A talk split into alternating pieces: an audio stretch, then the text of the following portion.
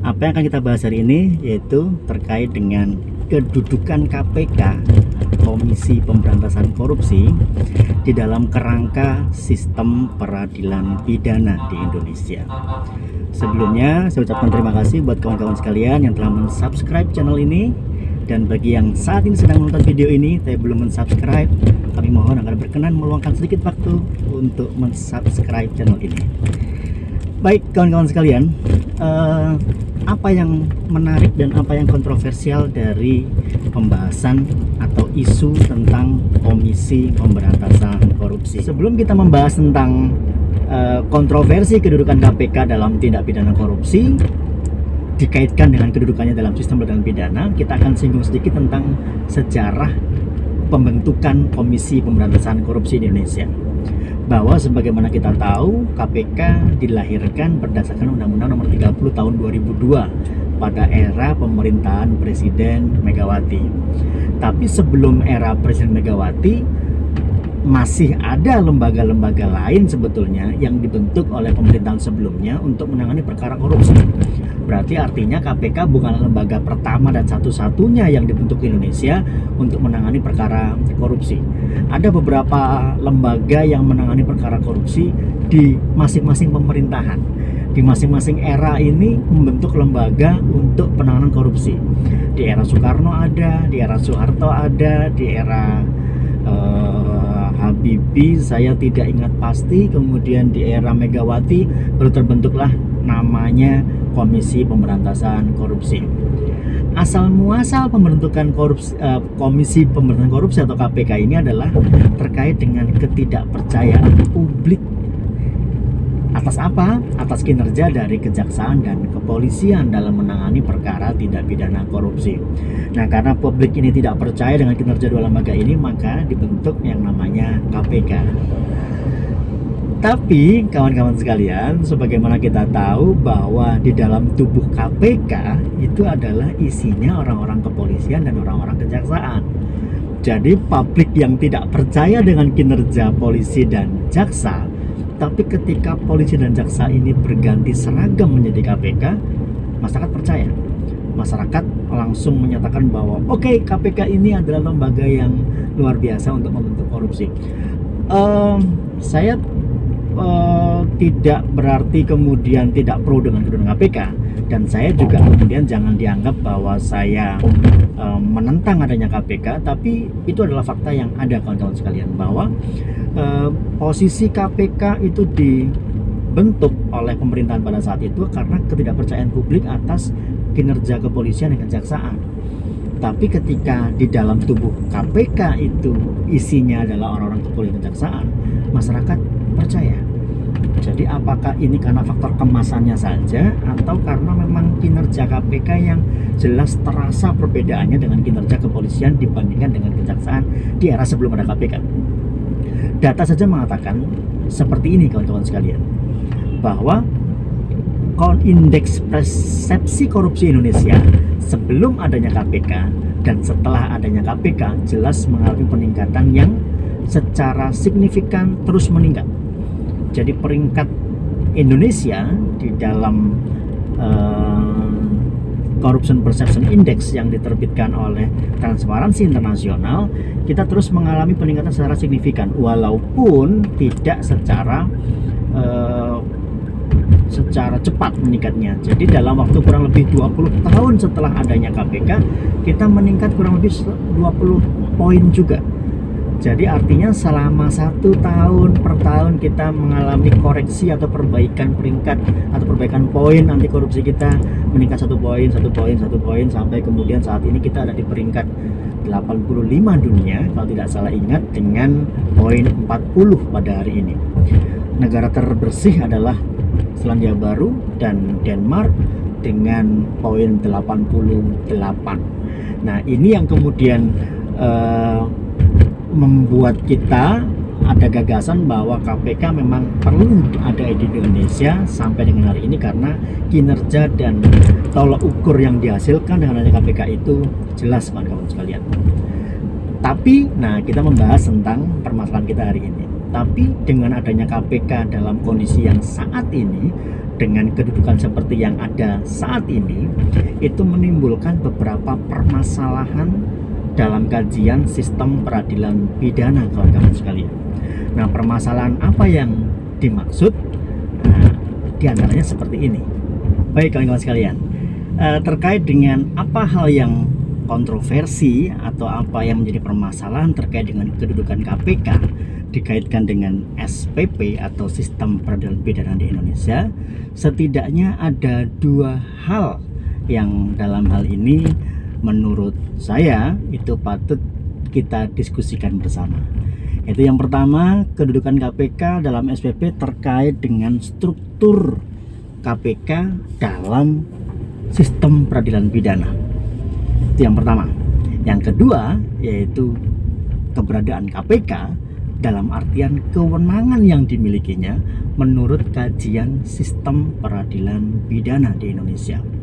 Uh, yang pertama terlebih dahulu kawan-kawan sekalian terkait dengan kedudukan KPK di dalam struktur sistem peradilan pidana di Indonesia. Bahwa sebagaimana kita tahu, jika kita belajar sistem peradilan pidana, maka kita akan mengetahui bahwa sistem peradilan pidana adalah ilmu yang mempelajari tentang uh, hubungan antara komponen dalam sistem peradilan pidana di Indonesia. Komponen apa yang dimaksud? Di dalam SPP ada dua macam komponen, yaitu yang pertama komponen lembaga, yaitu yang kedua komponen proses dalam perkara pidana. Lembaga apakah yang dimaksud dalam SPP ini? Bahwa lembaga ini adalah lembaga yang terkait dengan proses penyelesaian perkara pidana di situ kita mengenal namanya lembaga kepolisian, lembaga kejaksaan, pengadilan, pemasyarakatan, advokat dan lain sebagainya yang masing-masing komponen lembaga ini saling berkaitan dalam satu uh, kerangka besar yang disebut dengan sistem peradilan pidana. Komponen-komponen ini saling bekerja berkaitan satu dengan yang lainnya, jelas tidak bisa berdiri sendiri karena kalau kita bicara lembaganya, kita pasti juga akan bicara prosesnya yang akan kita bahas berikutnya nanti. Nah, terkait dengan lembaganya ini, karena yang ditangani oleh KPK adalah sangat spesifik, yaitu perkara korupsi, kedudukan KPK ada di mana dalam kajian sistem peradilan pidana itu? Sebagaimana kita tahu juga bahwa KPK bukanlah lembaga satu-satunya di Indonesia yang menangani perkara korupsi bahwa selain KPK juga ada kepolisian dan tentunya ada kejaksaan yang ditunjuk secara langsung oleh undang-undang sebagai penyidik dalam perkara tindak pidana korupsi, kawan-kawan sekalian. Sehingga dualisme ini bisa terjadi. Sehingga ada lebih dari satu lembaga yang menangani perkara korupsi di Indonesia. Ada KPK, ada kepolisian, ada kejaksaan yang menangani satu perkara pidana yaitu korupsi di Indonesia. Uh, apakah ini permasalahan dan apakah ini menjadi suatu hal yang uh, bermasalah dalam kajian sistem? Tentu saja bahwa kedudukan KPK sebagai satu lembaga yang ditunjuk oleh undang-undang untuk menangani perkara korupsi ternyata tidak mengesampingkan lembaga lain dan lembaga lain tersebut masih punya kewenangan yang sama untuk menangani perkara korupsi. Walaupun di dalam Undang-Undang KPK, Undang-Undang 30 tahun 2002 sudah disebutkan tentang yurisdiksi KPK untuk menangani perkara korupsi, yaitu untuk perkara-perkara terkait dengan tiga hal, yaitu korupsi yang melibatkan penyelenggara negara atau uh, pejabat negara, kemudian korupsi dengan nilai kerugian keuangan negara di atas 1 miliar dan korupsi yang uh, menyita perhatian publik, maka itu yang akan ditangani oleh korup oleh KPK, sorry. Berarti dengan demikian korupsi yang kecil dalam tanda kutip atau korupsi yang tidak menimbulkan kerugian keuangan negara dan tidak menyita perhatian publik dapat ditangani oleh lembaga lain di luar KPK dalam hal ini bisa kepolisian bisa kejaksaan tapi terdapat juga klausul bahwa KPK juga punya kewenangan. Kewenangan untuk apa? Kewenangan untuk mengambil alih perkara-perkara yang sudah ditangani oleh kepolisian dan kejaksaan. Artinya adalah seolah-olah kedudukan KPK di Indonesia itu sebagai lembaga yang memiliki kedudukan lebih tinggi dibandingkan dengan lembaga-lembaga lainnya untuk menangani perkara korupsi. Kenapa tidak sekalian seluruh perkara korupsi ditangani oleh KPK? Selesai. Berapapun jumlah kerugian keuangan negaranya, siapa pun pelakunya, setiap perkara korupsi wajib ditangani oleh KPK. Titik. Dengan demikian keberadaannya maka tidak ada lagi pertentangan, tidak ada lagi permasalahan dalam kedudukan KPK dalam kajian sistem peradilan pidana. Kita tidak lagi ngomong tentang kepolisian, kejaksaan, pengadilan, advokat, lapas dan sebagainya, tapi kita ngomong tentang KPK dalam suatu sistem peradilan pidana untuk perkara korupsi. Sehingga selesai. Tapi ketika masih ada lembaga lain yang punya kewenangan yang sama dengan KPK, menangani perkara korupsi juga, maka ada lebih dari satu lembaga dalam kajian sistem peradilan pidana. Dengan demikian, permasalahan muncul kawan-kawan sekalian. Itu yang pertama terkait dengan kedudukan KPK dalam kajian sistem peradilan pidana. Sepanjang di Indonesia masih uh, memberlakukan model yang seperti ini, maka dalam kajian sistem ini masih menjadi permasalahan kawan-kawan sekalian. Kemudian yang kedua, masih dalam kerangka sistem peradilan pidana dalam pengertian komponen kewenangan. Sekarang kita tahu bahwa komponen lembaga yang saya sebutkan di depan tadi, kepolisian, kejaksaan dan sebagainya itu memiliki kewenangan masing-masing.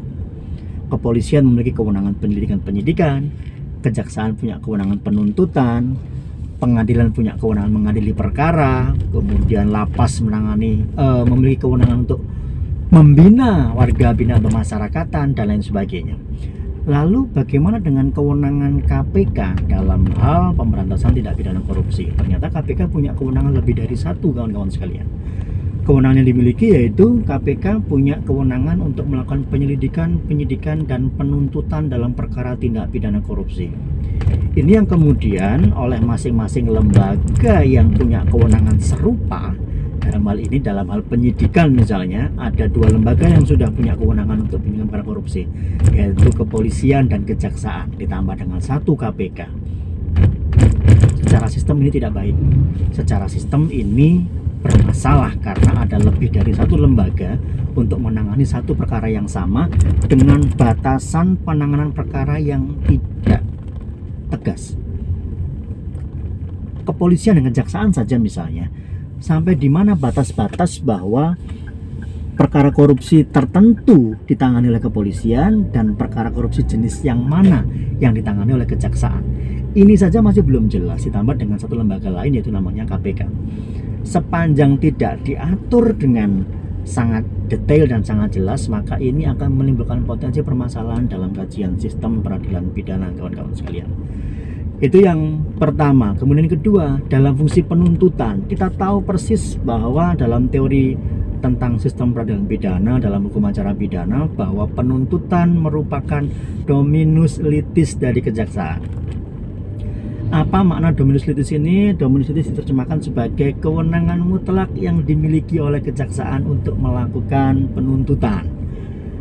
Sehingga seharusnya tidak ada lembaga lain di luar kejaksaan yang berwenang melakukan penuntutan untuk perkara pidana. Tapi dalam perkara pidana, KPK punya kewenangan untuk melakukan penuntutan. Walaupun siapa KPK yang melakukan penuntutan itu ternyata yang melakukan adalah kejaksaan yang bertugas di KPK. Tapi apakah ini kemudian disamaartikan dengan dominus litis KPK, dominus litis kejaksaan, ataukah ini merupakan pertentangan dari makna dominus litis di dalam tubuh kejaksaan? Bahwa kejaksaan bukan lagi sebagai lembaga tunggal untuk menangani menuntut perkara tapi ada lembaga lain yang punya kewenangan yang sama untuk melakukan penuntutan dalam hal ini yaitu adalah Komisi Pemberantasan Korupsi. Jika kita bertanya ke masing-masing korps baik penyidik kepolisian maupun penuntut umum kejaksaan maka masing-masing akan punya legal standing yang berbeda-beda bahwa masing-masing akan mengklaim bahwa uh, itu adalah kewenangan kami lembaga kami bukan kewenangan lembaga lain dalam hal ini adalah KPK tapi dalam kajian kerangka sistem peradilan pidana kami akademisi membenarkan hal tersebut karena ini merupakan uh, ketidaksinkronan secara struktural dalam kajian sistem peradilan pidana sehingga sepanjang saya ulang lagi sepanjang masih ada dualisme dalam hal penanganan perkara korupsi di Indonesia, maka kedudukan KPK masih bermasalah dalam kerangka sistem peradilan pidana. Sehingga kita tidak memungkiri bahwa kedudukan KPK, posisi KPK saat ini diperlukan oleh Indonesia. Kita tahu persis berdasarkan data bahwa dengan adanya KPK ini menunjang kinerja pemberantasan korupsi di Indonesia. Tapi sepanjang pengaturannya masih sampai detik ini sama dengan yang kemarin-kemarin, maka KPK masih bermasalah secara kedudukan dalam kerangka sistem peradilan pidana, kawan-kawan sekalian. Permasalahan yang kedua, tadi kita sudah cerita tentang kedudukan KPK dalam sistem peradilan pidana. Jadi sepanjang masih diatur sama sama dengan hari ini, masih ada dualisme bahkan triolisme mungkin ya, ada tiga lembaga yang punya kewenangan yang sama untuk me menangani perkara korupsi, maka kedudukan KPK masih bermasalah menurut kajian sistem peradilan pidana. Yang kedua terkait dengan kewenangan dari KPK, bahwa kita tahu persis, kita mungkin tidak akan lupa bahwa ada cicak versus buaya di Indonesia, bahwa uh, apa ya ada bukan ada game ya istilah ini sangat mengena di otak kita tentang konflik dua lembaga di Indonesia yang dalam hal ini adalah aparat penegak hukum untuk menangani perkara korupsi di Indonesia. Jadi konflik seperti ini seharusnya dapat dihindari ketika kewenangannya satu pintu. Ketika KPK ditunjuk sebagai lembaga satu-satunya yang berwenang menangani korupsi, maka kepolisian dan kejaksaan harus undur diri kepolisian kejaksaan tidak boleh punya kewenangan yang sama walaupun sudah diatur jelas wewenang KPK untuk ini kejaksaan untuk ini kepolisian ini tapi faktanya di lapangan tidaklah demikian kawan-kawan sekalian. Sehingga eh, kewenangan ini harus dipisahkan dan harus dimiliki oleh salah satu lembaga saja. Dalam hal ini adalah KPK Indonesia harus segera menyelesaikan permasalahan ini supaya tidak berlarut sehingga istilah cicak versus buaya lambat laun akan kita lupakan dan tidak perlu muncul lagi untuk di kemudian hari. Nah, ditambah lagi kawan-kawan sekalian, sudah ada lebih dari satu lembaga yang menangani korupsi, ternyata kewenangan yang dimiliki masing-masing lembaga tersebut tidak sama. KPK punya kewenangan yang cenderung lebih ekstra dibandingkan lembaga yang lain. KPK punya kewenangan yang konon menurut lembaga lain bertentangan dengan prinsip-prinsip hukum acara pidana. Apa di antaranya? Penyadapan itu yang paling utama. Jadi KPK punya kewenangan untuk menyadap sedangkan lembaga lain penyidik lain selain KPK yang juga menangani perkara korupsi tidak punya kewenangan untuk melakukan penyadapan. Nah, ini yang kemudian kewenangan ini menimbulkan kecemburuan, sama-sama penegak hukum, sama-sama menangani perkara yang sama, tapi memiliki kewenangan yang berbeda-beda, kawan-kawan sekalian. Sehingga untuk menghindari konflik horizontal seperti ini, maka seharusnya Indonesia segera mengambil langkah tegas untuk memposisikan KPK. Kita tidak mengingkari kita butuh KPK, tapi dengan kondisi yang dan kedudukan yang seperti ini sampai hari ini maka KPK bermasalah dalam kajian sistem peradilan pidana. Baik, itu saja kawan-kawan sekalian diskusi pengantar kita uh, di Surabaya yang dingin pada hari ini.